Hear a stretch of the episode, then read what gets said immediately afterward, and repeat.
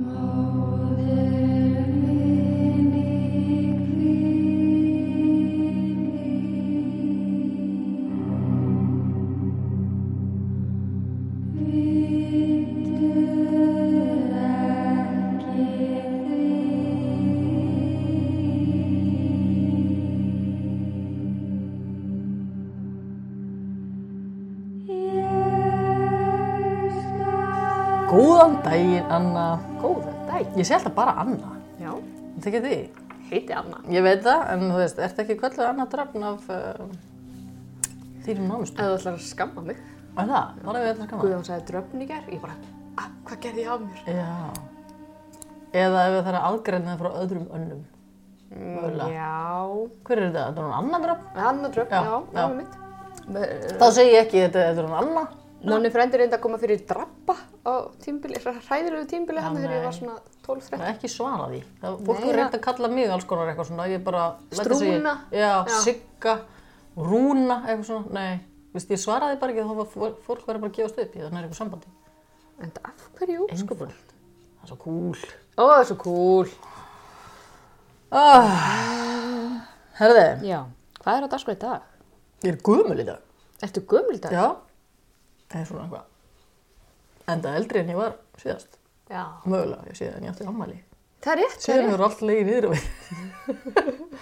Til að hafa mikið með amali. Þakka þér fyrir. Ertu búin að finna tilgang lífsins? Nei. Svarið við... Svarið við lífskátinni, 42. Já.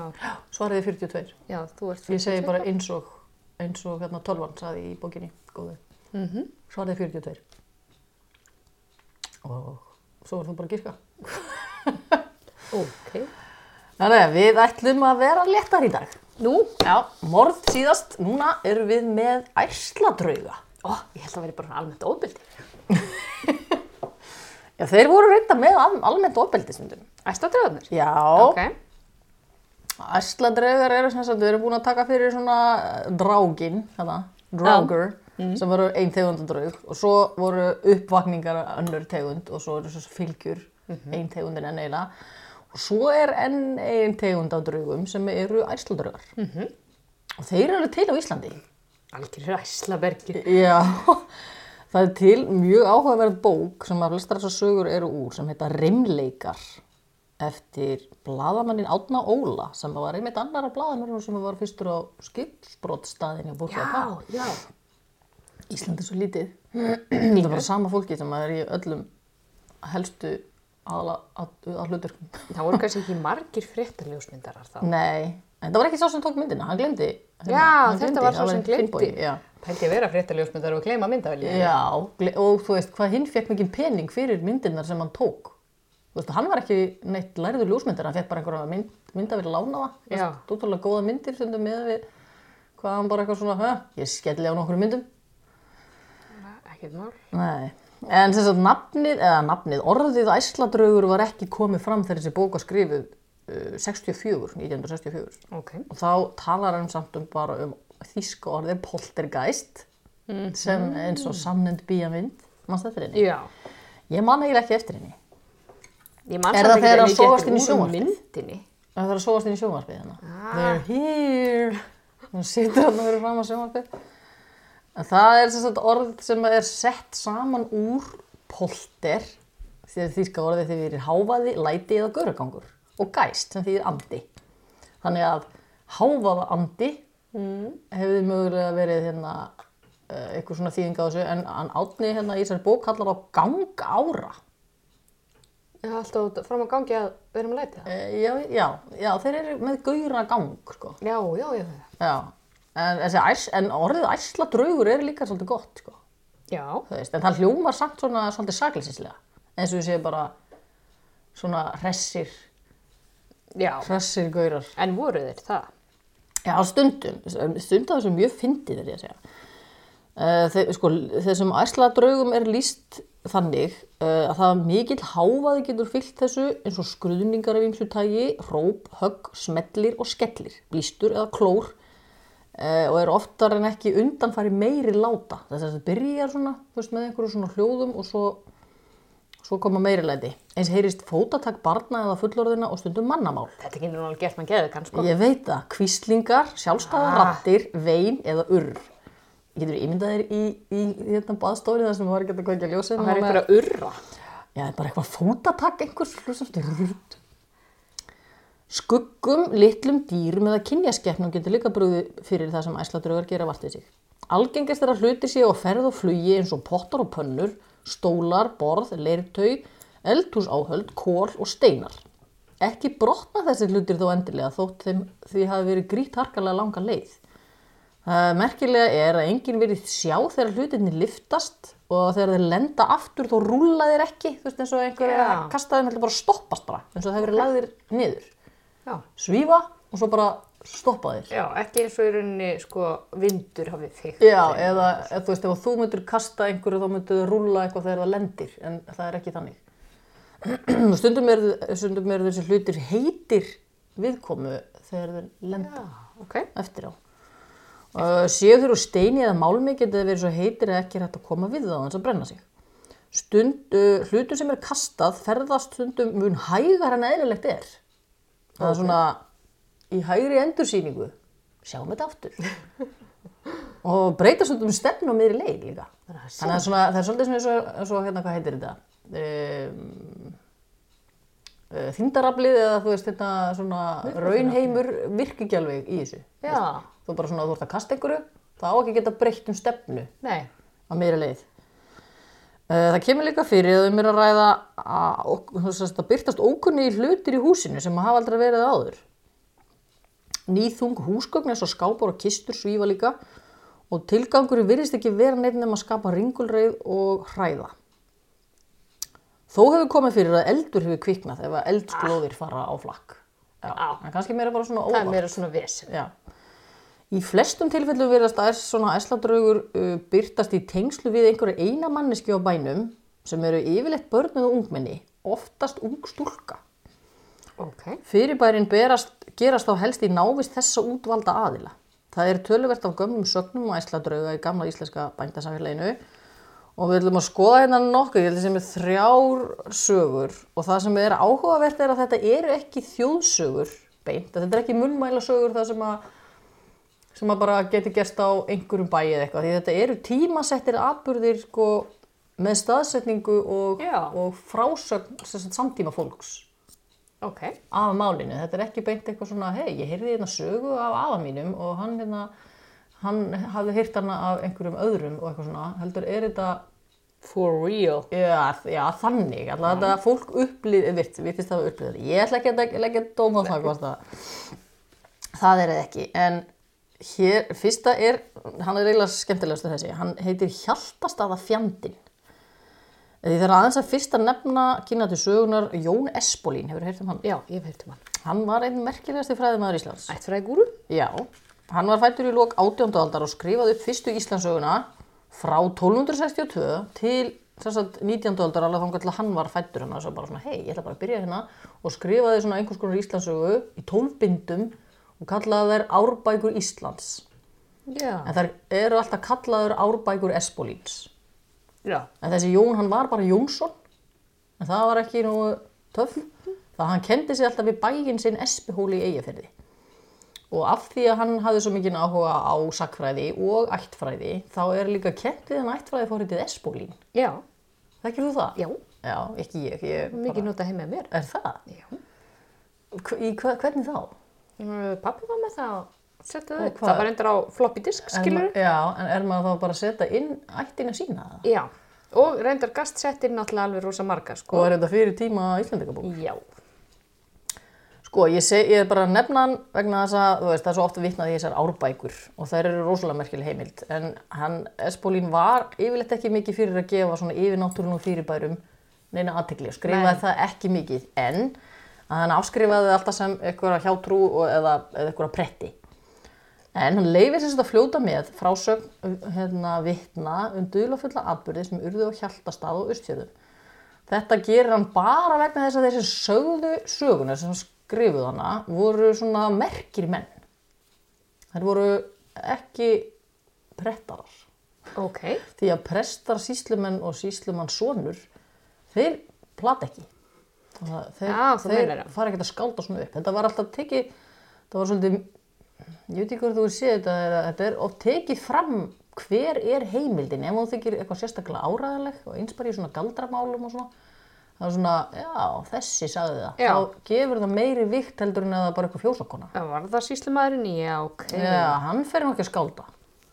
Ekki mikið. Nei, þú veist, ætti ekki að gera það en ég minna, maður veit ekki.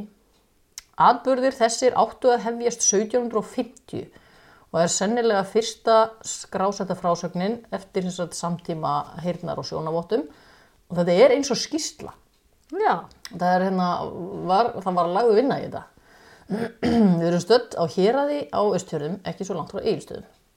Það er 13. februar uh, 1750. Heimamaður var við gegningar í fjósinu og Hjaltastað sem var líka prestbústaður. Að hann heyrði ofinnileg hljóð frá auðum bás á milli kuna. Það var svo að, já, hérna, einn auður á milli. Hann kallaði liðsauka og þau heyrðu líka sömu ólætin. Það var ekki útskipt með svona nákvæmlega hvernig ólæti þetta voru. En allavega eitthvað torkennilegt fyrst að hérna, það, það fara allir að sapnast þetta út. Kölluðu þeirra svo á bóndan, sér að Jón Oddsson og hann heyrði hljóðun líka. Þetta held áfram næstu kvöld, alltaf á gjafa tíma í fjósinu. Eftir nokkra daga fóru háfaðan að berast inn í bæinn með höggum og dingjum í baðstofinni. Svo tóku rödd til máls. ok. Það er ekki talað um hvort þetta hafi verið kallmanns eða kvennmannsrödd, en einhvern veginn sé ég alltaf fyrir mér þetta hafi verið kallmannsrödd, ég, Já. veit ekki af hverju. Röddin spurði fólk að nafni og hvort það svæði. Presturinn hafi bannað fólkinu að svara röddinni en hann leti ekki, let það ekkert á sig fá og fór að hrópa hluti eins og Nei, þú sefur ekki, þið skulið öldungis ekki sofa í nótt. Hann er bara svona með dólg. Og það stóð heima því það var erfitt að sofa í þessum háa. Og endan fór fólki þó að svara röddinni og róaðast hún aðeins við að fá að spjalla. Þetta gerðist ekki aðeins á nóttunni og skipti ekki máli hvort ljós var kveikt eða ekki. Eh, Röddin kom samt alltaf þaðan sem var einhver skuggi í húsinu. Já, Það var svona einhvern veginn til að vera, já, já einmitt. Uh, það var gömur, ég seti nú eina sviga 63 ára. Eins og ég séu heyrt inn í Sviga, 63. Uh, hún var gömul þá greinlega. Vinnukona á bænum sem hétt Ópía, Ok. sem er eitthvað svona eins og Shakespeare-leikandi. Mm.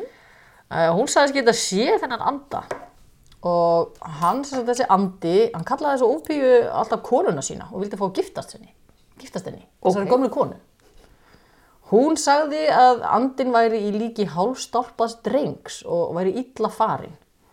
Í einhverjum heimildum er sagt að hann, að hann sagðist hafa heita Guðmundur í lifanda lífi og hefði druknað á austfjörðum og reikið á land. Eh, Eitt sinn sagðist hann heita mm, Lucifer en að nú sagðist hann vera virkilegur íslenskur draugur og djöfull. Hann er svo flutt fengi lögheimili eða hérna, hvað heitir þetta, ríkisborgarrétt og vera núna íslenskur djöfull. Stundum sagðist hann hafa verið sendur af hinum á þessum náunga í, í nágrenninu. Þessi bóndi sendi mig, hann þjólar þig ekki. Já, þú lögur ekki. Já, uh, en hann bar aldrei saman um hver það var, hann skipti um, hann, svona, hann, var ekki, hann bar ekki alltaf saman hjá honum, kannski bara mundan hann ekki hvað hann hafði sagt síðast eða eitthvað, ég veit Já. það ekki, eða þú veist það, já. Uh, hann vildi, hérna, þegar menn voru að taka í nefi þá baða hann niður um að fá að vera með. Og, og líka þegar fólk var að fá sér te eða kaffi, þá, þá vildi hann fá líka. En hann tók samt aldrei við því ef það var rétt eitthvað út í loftið, bolli. Þá, þá gerði hann það ekki. Það er félagslind. Já, en svona hann er kannski verið bara eitthvað svona líkamalauðs og bara svona, "Ó, ég get ekki ekki bolla. Það kjaftaði á drögnum hver tuska, dag og nótt. Stundum var hægt að eiga við hann venjulegar samræður en oftar en ekki var hann með ílkveitnar aðtóðasemdir og klámfengið orðbrað. Sérstaklega við þá sem ömuðust við honum og hreyttu í hann einhverju tilbaka. Verst lét hann í baðstofunni. En í einn hluta bæjarins var hans aldrei vart, þess að einum hluta, það var að vera svefnherbyggi hjónana. Þar Já. kom hann aldrei. Og það var til þess að fólk voru að flykkjast í að sofa þar, í hrúum, Yes. til þess að fá svefnfrið. Kannski hérna þurfti það að skiptast á eitthvað, ég veit ekki. Það ímyndað er að stanslust og verið með svona útvarpið og svo hátt, alltaf. En þú veist, það heyrist ekki einu herbygginu. Það var ekki ykkur heyrnalaus og hann hefur bara getað sofið. í Já, Elstu dóttur prestsins á bænum, Aldís í 15 ára, virtist röddin fylgja helst eftir og svaf hún yðurlega þar sem hægt var að fá frí fyrir honum, þarna í þessu herbyggi. Og það líkaði draugnum afar illa, að hann næði ekki til hennar. Þetta, Já. hann vildi einhvern veginn vera nálátt henni. Nú er hann spurður út í kristileg málefni, var hann nokkuð vel að sér í þeim efnum og var hægt að eiga við hann vitrannar umræður. Sagði hann Guð vera góðan og réttvísan, þó að hann vildi ekki fyrirgefa honum, honum og hinum djöflunum sem yðruðust gjörða sína. Þannig er svona, svolítið heimspekilegur, svona, hann var með einhverja yðran í gangi, veist, vera djöfull en, en Guð vildi ekki taka við honum, eitthvað svona. Hann gætt farið orðrétt með faðvorið og sungi sálma en vildi ekki lesa trúajátninguna. Hann hefur ekki verið fermdur, sko. Kanski, kannski var hann aldrei fermdur. Einu sinni vakt hann prestinn með því að hrópa Piltarnir vilja ekki að fætur. Ha? Þá var bara, veist, um morgunin eða eitthvað. Þá var hann að reyna að vekja, þá var þetta svona vekjarklukka. Og prestur spyr hvort hann get ekki kallað á þá. Þeir vilja ekki gegna mér. það var svona klaga. Uh, en hann, sag, hann var ekki svona neitt spá, þetta var ekki svona spádrögur, hann Nei. sagði ekki fyrir um neitt nema stundum um gestakomur þeir sem voru á leiðinni. En það var samt þannig að þegar hann var spurður út í eitthvað, þá náði sagt, viðkomandi ofta ekki að klára setninguna áður en hann náði að svara, svona eins og hann vissi hvað það væri, að það væri að fara að gerast. En hérna, en mér finnst þetta mjög áhugavert að hérna, þú veist, það var að ræða við hann um, um mörg mál, sko. Uh, svona eftir mánuð af þessu, að röddinn var hana í bænum, þá komu fyrirmenn úr sveitinni til að aðtúa sannleik skildi þessa máls. Væntalega hefur þetta borist út um Já. sveitina eins og, Eins og besta frétt. Já. Það voru þeir Hans Víum, síslumadur og Eyðum og sér að Grímúlfur Bessason á Ási. Vitið hvað er að gerast þarna? Já, strákar, við verðum að tjekka á þessu. Alltaf kallaður Grímur, þessi, þessi prestur, sér að Grímur. Og eftir þá, eftir þá eru helstu heimildinnur um málið, auk frásognar heimilis fólksins á hjaltastöðum. Ekki síndi draugurinn þessum mönnum mikla virðingu og kallaði síslumannin bölvaðan beinmakka, sem ég veit ekki alveg hvað er. Það er einhvers konar móðan beinmakki. Veist, já, ég, Já. ég var ekki... Og sér að Grím kallaði hann greppitrýni.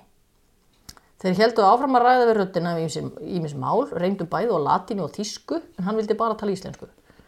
Lögðu þeir fyrir þann flóki reiknistæmi sem hann svaraði fullkomlega rétt. Hmm. Mér finnst þetta áhugaverð. Já, og eins spurði hans síslumadurinn hver hefði stólið á honum fiski síðasta vetur. Sér að Grímur gerði það, segir þá röddinn. Og það er Grímur, hinn sem spurði hver hefði stólið á, honum lampi, þá svaraði hann, hans gerði það. Þess að það benti á hinn. sko. Hinn, já. Já.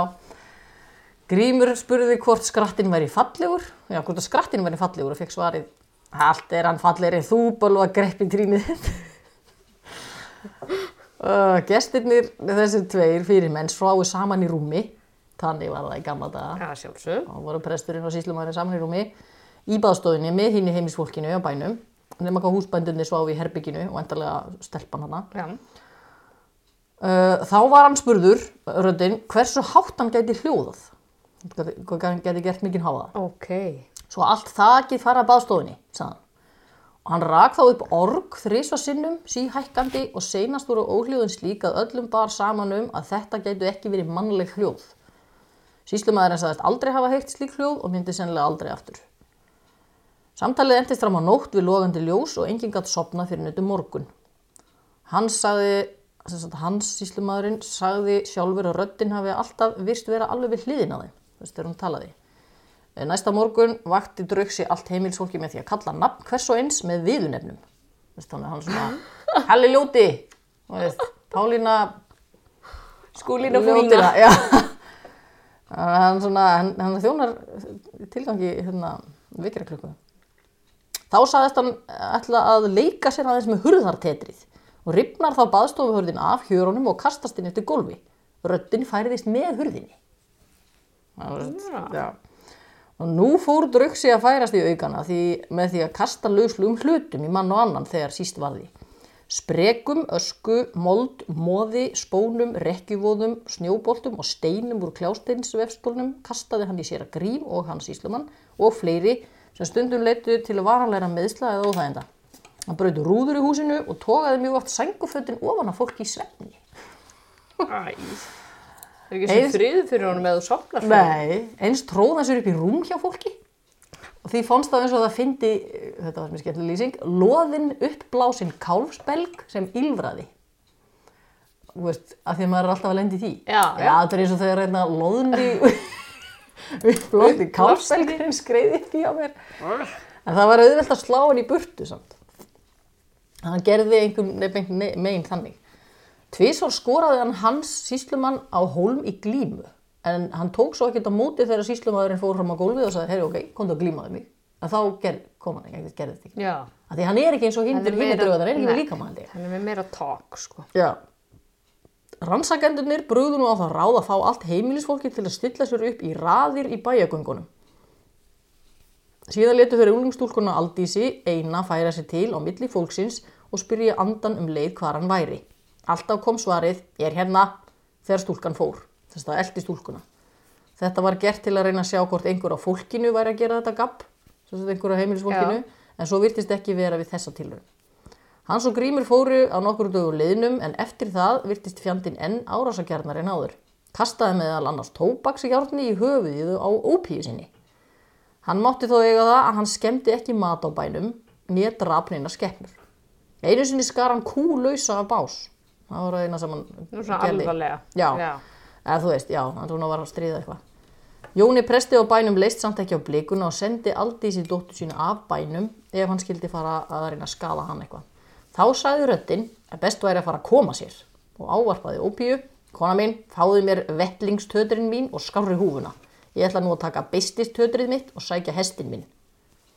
Sem ég veit ekki hvað hestur var. Ok, já. Eftir það var það hjáltast að fjandans ekki vart aftur, þráttur að hafa hótað að snúa aftur. Þannig að hann fór bara Spes. með beislistötrið sitt. Já.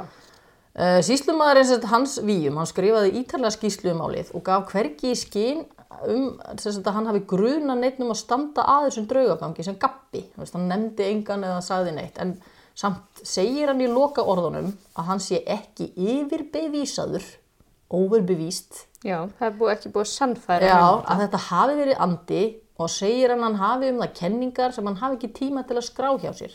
En svo gerði hann það aldrei. Þannig að það veit enginn almennilega hverjar þessar hugmyndar eða skýringar voru, þú veist hvað hann hafði. En þetta gaf fólki sem þetta á færi á að efast um sannleik gildi, gildi sögunar og hefur verið þannig að hann hafi kannski verið með einhverja skýringa á þessu, ég veit ekki.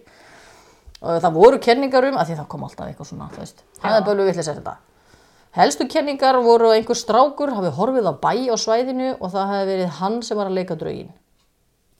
Uh, eins var einhverjum ungum manni að nafni Egil kentum því að hann hafi átt harmað að hefna síslumanni og presti.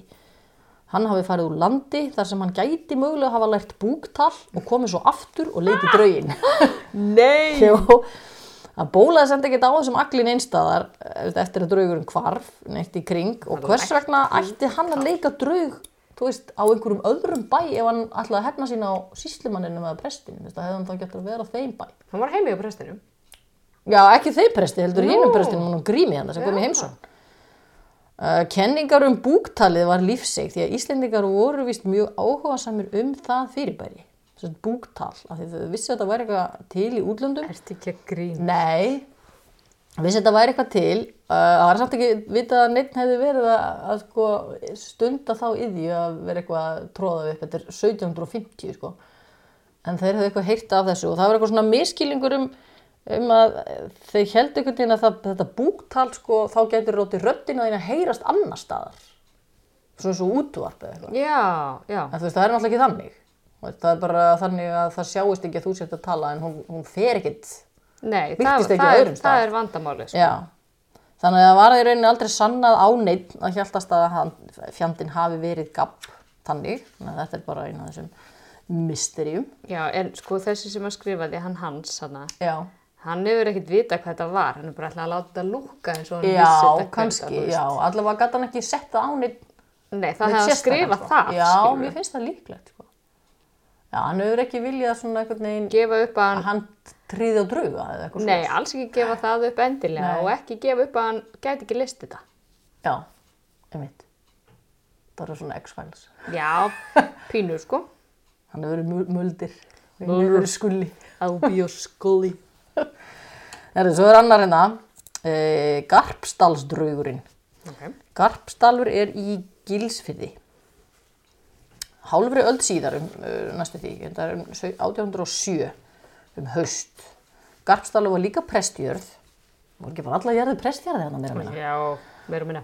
Og var bóndinn þar sér að Sæmundur Þorsteinsson orðin nokkuð fullorðinn, 60 í sviga, þegar þetta gerist. Nokkuð var að heimilisfólki á bænum þó að fáir séu nafngreindir fyrir utan prestinn og svo Guðrúnu sem var innan gæðsalappa margfróð vinnukona sem að svona gefur svolítið í skinn hún hafi séð eitthvað eða verið göldrótt eða eitthvað Já. og svo ungur maður að nafni Magnús sem var vinnumadur og við komum að því síðar hvers vegna hann er svona oft nefndur á nafn. Í fyrstu var það hurð sem brotnaði. Síðan var bátur heimilisins brotin í fjörunni. Höggin heyrðust heima bænum en engin manneskja var hann nálat. Magnús var inn í bæ. Fjórar hurðir til viðbótar voru brotnar í fjárhúsunum á góðviristegi og meðan brúðköp stóði yfir í kirkjunni þar sem flestir voru viðstæðir. Magnús þeirra þar á meðal. Ok. Magnús þessi sagði að þetta væri kvenn andi sem stundum byrtist sér, þessi sem væri að skemma hana. Eitt sinn var hún, sagt, þessi kvenn andi í fjárhúsunum og sagðist alltaf að geta eina kindina. Og það fór að korra svona í henni og hún virtist vera að kapna, kindin. En hún hjarnaði við eh, með aðstóð Guðrúnar, hérna þessari markfróðu. Og Magnús stóð þá í dyrunum. Á meðan þau syntu kindinni brotnaði raftur í fjárhúsinu og brotin hendust framann í Magnús. Um leið fældust hestarnir á bænum sem voru úti, svo þeir hlupu við svell á hjarn eins og óður væru, en slösuð sem betur fyrir ekki. Ég veit ekki þetta var tekið fram, en ég var hvað að halda með. Svo setni hlutan í nóvamber voru brotin þil, eh, þil myndu vera bara eh, klæðningin, er það ekki, Jú, inn jú. í baðstofinni, já. Hurðir inn í bænum og ein rúða. Magnús stóð hjá presti í einum enda baðstofunar og sagði að nú hefði andin farið út um gluggan. Hann er svona svífa um. Andin var þó ekki alfarinn því hann eða hún hélt áfram að hrella heimilisfólkið í Garpsdal með ólátum og bramli. Þetta er miklu meiri sko, miklu verra svona. Já, þessi er ekki svona, hann er ekki æslafullur Nei, þessi, hann er meira reyður. sko. Fleiri þil voru brotin og hlutum hent inn um glugga og eitt sinn fekk Guðrún vinnukona hlandkerald í höfuðið út á hlaði. Keraldið hafði staðið inn í eldúsi, þannig að það, þetta hefur verið orðin vel staðinn keita. Oh, mm. Hárið á henni hefur orðið gott á eftir. Presturinn, Magnús og fleiri fóru inn í bæ og þar svifu allir lausir hlutir á lofti sem og hurðir og spýtnabrakk. Sleggja kom svífandi á prestir þegar hann ætlaði að fara út um dyrnar og lendi á síðu hans en mitti hann ekki að ráði. Allt fólki sapnaðist þá saman innst í baðstofinni sem leik öll á reyði skjálfi og gerð var að þeim skotrið með brotum úr þiljónum. Þetta er bara. Þett, eftir þetta flúði hluti heimilisfólkinu frá Garpsdal, þó að presturinn, Magnús og Guðrún yrðu eftir. Hvenn andin hjælt áfram að brjóta hillur og eitthvað fleira sem að enn var óbrotið í bænum og kasta taðflugum. Presturinn gerði tilhörn til að særa andan í burtu. Magnús sagði að hún hefði röklast undan orðum hans og farið út í fjós. Þegar þau fóru þangað, þetta er svona eitthvað svona þrýr spæjarar, hei, förum út í fjós og eldum hann. Uh, var fleikt í þau blöytri mold og mikju, auk þess sem stærðarinn að steini var kastað í handli Guðrunar svo hún var að handlama í þrjár vikur, en batnaði svo. Batnaði svo. Steinin var svo stór að engin maður hefði loft á honum. Nokkru setna fannst hestur prestsinn döður á öðrum bæ og var að sögn blár og bólgin. Ólætin gengur svo niður og varð ekki vart framar. Mjög undarlegt. Mjög. Fljótlega kom upp sögur í nágreininu um að vinnumadurinn Magnús hefði verið valdur á draugaganginum. Þó svo að enginn á bænum hafi viljað meina að það væri mögulegt. Nei, hann var líka fyrir, skilur þau. Já, já, ég veit það. En var það kannski hluta af áallinni? En sko, þetta er alltaf þannig, þannig að fólki á bænum vildi ekkit endilega meina það, þú veist, Nei. sem hafa lett í þessu, af því það hefði séð hvað hann var, en allir, þú veist, allir Já, kring, bara, já. hann er eitthvað skrítið eins og Magnús. Og til að reyna, reyna að reynsa Magnús af róburðinum, fekk Sæmundur prestur annan prest, sér að Gísla Ólafsson á stað á Reykjanesi, sem svona hlutlega svona aðilega til að taka skýrslu af öllu heimilisfólkinu. Þetta er svona metnaður í þessu. Og skrifa allt samvisku samlega niður. Þess vegna er þessi frásögn til.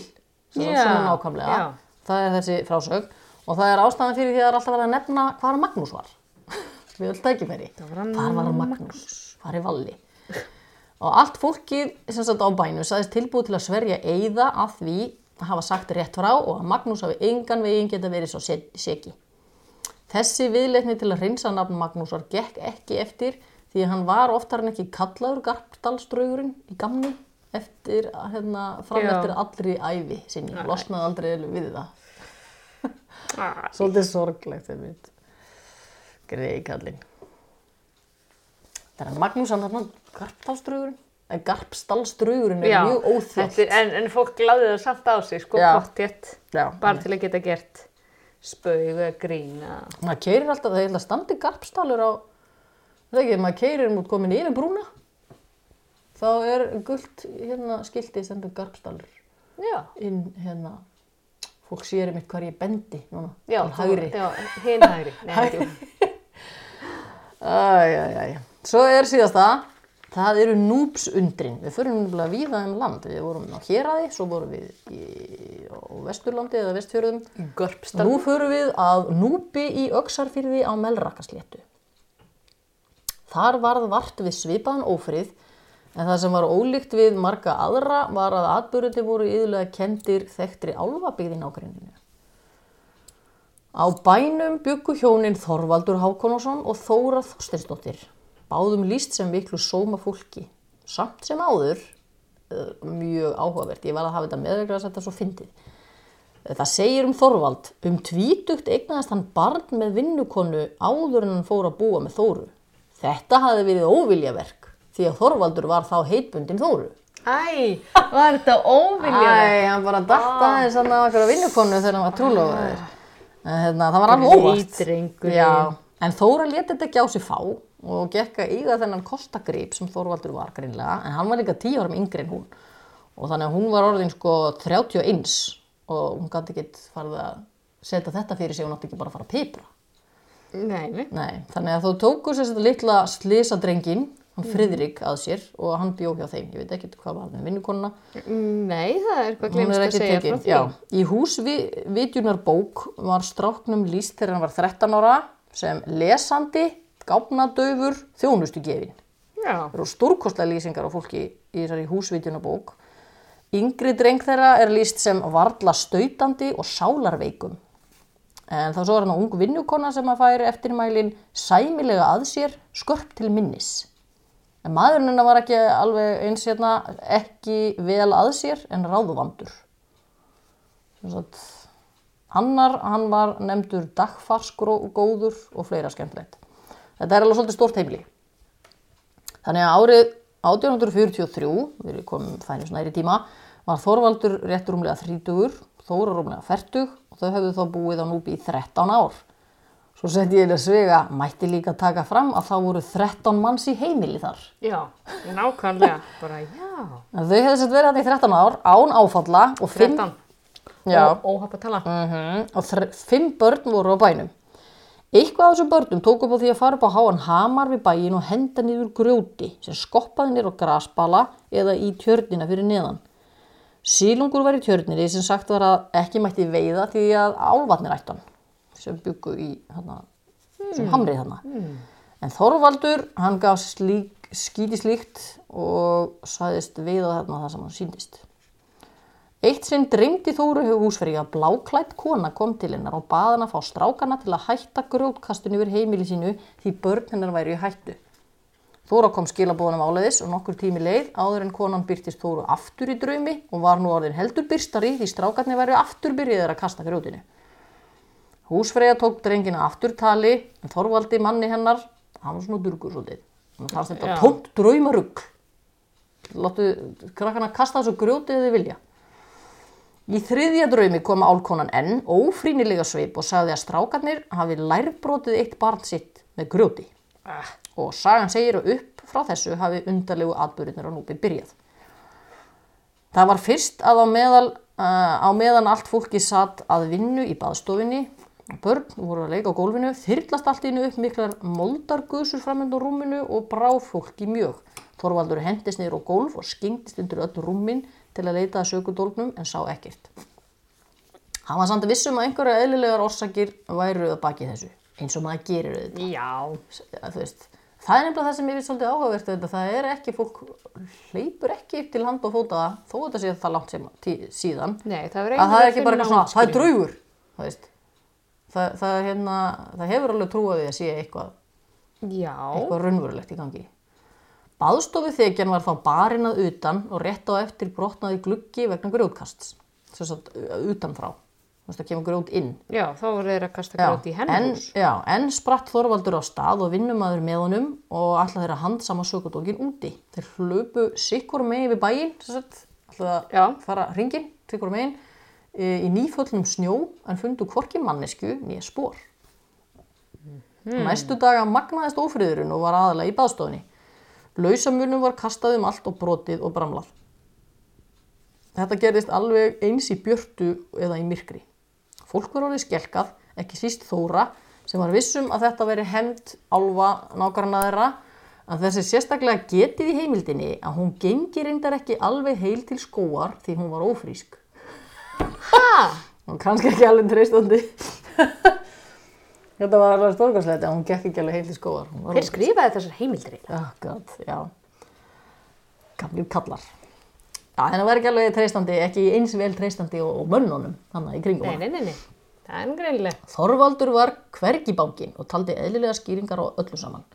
Hann fór þó að beðni konu sinnar að leita ráða hjá nákvörnu sínum og var ákveðið að sapna liði til að rannsaka málinn. Og nokkrir vaskir vinir og vandamenn mættu og var einn með hlaðna byssu. Þeim brá nokkuð þegar á bæinn kom því þar var allt á rú og stúi og allt brotið sem hægt var að brjóta. Eitthvað skarkala heyrðu þeir umkvöldið í fjósinu, sem, var, fjósi var undir baðstofinni. það var. Svona, Já, mitt. Já. Og fóru þangað til að rannsaka málið en þegar þangað var komið var gauragangurinn komin fyrir aftan þá án þess að þeir fyndu neina mannesku neistadar. Það bar samt ekkert margt í tíunda þess að nótt og mennindi fóru bara heim að daginn eftir að hafa skotið neitt draug eða, eða séð neitt. Ekkert skemmtilegt gert. Nei, gerist ekki margt, markvert. Það kom fyrir að hamagangurinn lá niðri í einhverja daga í einu en blossaði svo upp aftur. Stundu var efriðt að láta lofa á kertum því þeir sloknuðu alltaf aftur, hlutir týndust og fundust svo aftur á förðulegustu stöðum, matvælum var spilt, hlutir svifu og innréttingar brotnuðu. Eitt sinn var vinnukona að fella af sokk og lagði prjónana sem voru eins og við vitum í úr járni í þá daga. Hún er að fella af og hún leggur þá frá sér jafnóðum og hún losar Já. þú veist, eins og maður gerir. Og hérna set, þeir eru allir komnir hérna á, á borðið þá hafði hún, svo gekk hún frá endanum. Og þegar hún var búin að því þá sá hún ekki prjónar lengur á borðinu heldur var komin í stað einhver svona výrgrind sem hafði verið búin til úr prjónum Já. Svona einhvern veginn, þetta var svona listasmíð það var búið að vinda prjónana þannig að það sáist ekki að þeim endarnir heldur þetta var eitthvað svona skúltúr Já. það var eitthvað mjög skrítið þessi gripur var lengi til sínis á bænum sem dæmi um handverk sem engin maður hefði geta gert allavega ekki að þess að hita játnið eða eitthvað Já, einmitt. Það er ekkert getið gert það bara við hliðina á henni. Já. Í annarskipti var Þorvaldur orðin leiður á hamaganginum því engi fekk svefnfrið í baðstofunni svo hann greip treklossa sem lág á gólfinu hjá honum og kastaði áttina að háaðanum. Það hefði varðla sleft skónum þegar hann, skórin kom fljúandi tilbaka og lendi í enni vinnum hans sem Æ. hrublaðist nokkuð. Setna var þessi skór eðilaður og dullafullan hátt. Það var eitthvað svona leður, svona leður skór einhver með svona, já, hann var skorið í sundur. Frægasti atburði núpsundrana var samt sem áður eftirfarandi. Einu sinni sem oftar komu hlutir fljúandi upp uppgönguna í veist, þá er að því að þetta er tö- tveggja hæða og það sem hún gengur upp úr, úr hérna, fjárhúsunum og útihúsunum og því, þá er svona hli, eða, þú veist, Já. hleri og það er að verða að kasta upp hlutum þar, það er greinlega vinsælt. Uh, hérna, já, það er að koma fljúandi hlutir sem að brotna uppi á gólfinu. Á þessum árum áttu allar betri konur vínpela eða vínglas. Eitthvað eitthvað, eitt, eitthvað eitt glas, ég veit ekki, ég kannast ekki alveg við þetta. Þóra var þar engin undantekning og átti átt strendan pela og hollensku litgleri með uppleiftu myndum.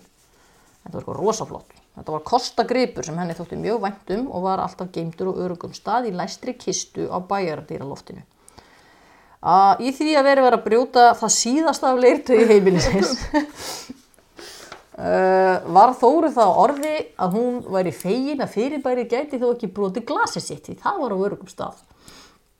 Hún hefði varla sleppt orðinu þegar glasið kom fljúandi og brotnaði í þúsund vola við fætur hennar. Það fyrsta sem hún hugsaði var að hún hefði glemt að læsa kistunni sem það var gengt í. Hún fór strax á aðtóðamálið en kistan var harðlæst og Þóra ein hefði líkilinn sem hjekk við beltið hennar. Hún opnaði og tók fyrst upp forláta silkiklút sem hann gemdi líka þannig, það voru svona öryggistaðurinn og notaði svona við hátilegu tækifæri, silkiklútar voru svona fínir og gemdi þetta með þessu spariglasi. Hann leitt fyrst út fyrir að vera óskemdur og svo tók hann upp og þá raknaði hann allir í sundur.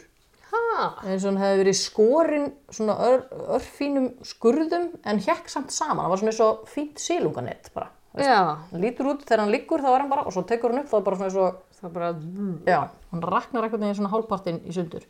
Klúturum var lengi hefð til sínis líka, eins og hann að hitt. Og margir sveitungur skoðuðu hann og þóttu merkilega að fara með hann. Stuttur setna ætlaði Þorvaldur að fara að lesa húslesturinn og settist undir stappgluggan í baðstofunni. Þá kom svo stór steinn fljúandi í gluggan, rúðan og, og gluggagrindin brotnaði öll. Steinnin var þó svo stóra, hann satt fastur í opinu og hann var svo fast skorðaður að til að losa hann þurfti að bytta járnkörlum. Nú þótti Þorvaldi lóksun ókomið og hann hætti að lítast af blikuna. Þóra, vinnukonan og börnin fluttu til bróður Þóru eins og þetta á næsta bæ og sjálfur ætlaði hann Þorvaldur að vera hann áfram, ásamt einum vinnumanni. En óleitin heldu áfram og þeir voru, þeir sem félagar hann voru orðnir mjög vansvefta.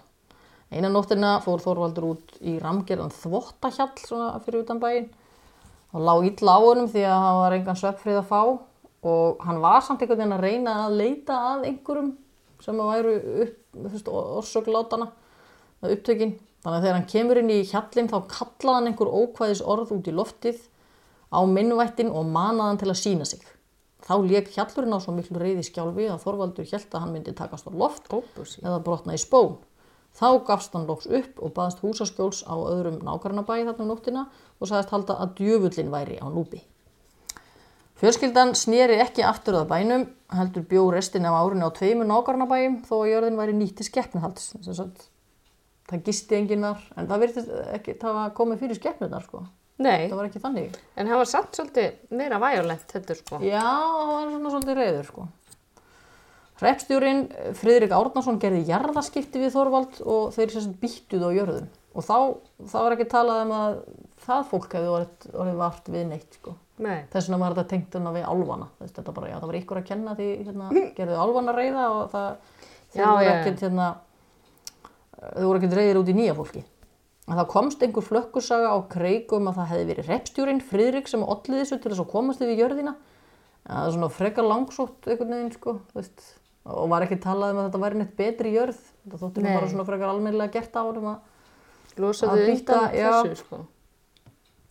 En þessi Átni Óla, hann sem sagt heyrði ömmu sína oft, segja sögurnar af þessum atbyrðum því að hún hafði þá verið 18 ára, ung stúlka og búað, hérna, búað, Búað? búið, nei, er það, Nei, búið. búið, hann búað, Það var búið. Að hún hafði búið á öðrum bænum þar sem fjölskyldan leitaði skjóls á, amman þannig að þessara atbyrða getið í mörgum bókum og hún sé svona soldi komin í þjóðsögulegt form. Uh, það sem að er svona látið eins og þetta sé þjóðsaga að því að kannski þetta tengist þessum álfum. Já, það er búið að búið til orsök og aflegging. já, já, og þú veist að þegar þú komið álfana inn í þetta þá er þetta orðið svona svolítið meiri svona þjóðsagnakent. uh, í öllum þessum tilfellum sem eru nefnd sem eru, að það er fullt af svona það er bara hellingur í þessum hérna, bara í þessari bók er alls konar hérna alls konar svona tilfelli um eitthvað svona, svo gengur þetta yfir á einhverjum vikum eða mánuðum og svo bara hverfur þetta, kemur ekki aftur. Svo bara eins og það hafi aldrei gerst. Já, Spes. og þú veist, þú hugsaðu með sko fullt af fólki, þú veist, hvernig er þetta með alveg bara svona, vorum við öll brjáluð eða? Já, Þú nákvæmlega. veist, gerðist þetta í alvörinni? Hvað hérna, Já, þú veist, akkur er allt ónýtt inn inni. þetta er rosalega partíverðin í gær maður. Ha, Hver kom með landan? hver braut áttstrenda viski hérna? Já, en mér fannst það eitthvað skemmtilegt að, hérna, að það er, fyrst er fólk yfirleitt, sko, það er öll þessi málega samígilegt með að það er ekkit endilega hlaupið upp til handa og fóta sagt, það er draugur, það er draugur og, og reynt að særa það út með einhverjum, Nei, það er fyrst byrjað Það að segja rannsaka." undan rúminu. já, Þú veist, ég sé þig, ég sé komdu, þig. komdu úr skugganum. Það er reynt að hérna, svona, gera þetta svolítið skipulega og, og, og fá einhvern mektaramann til að skrifa upp, sem sagt, annarkvæmst þú komið heimsókn eða þessu svona nágrannana eða til að taka skýrslu af heimilisfólkinu að þetta hafi gerst eða eitthvað slags. Það er svona, Það er líka til þess að sé ekki bara, nei, þið eru byluð, þetta Já, gerðist aldrei. já, Víst gerðist þetta, já. síslumadurinn kom, já, þú veist. mitt. Sjáðu bara útgangin hérna, það búið að brjóta allar, leirtöði mitt. Myndi ykkur gera það bara til að fá aðtigli? Nei, það er Ég ólíklegt. veit það ekki.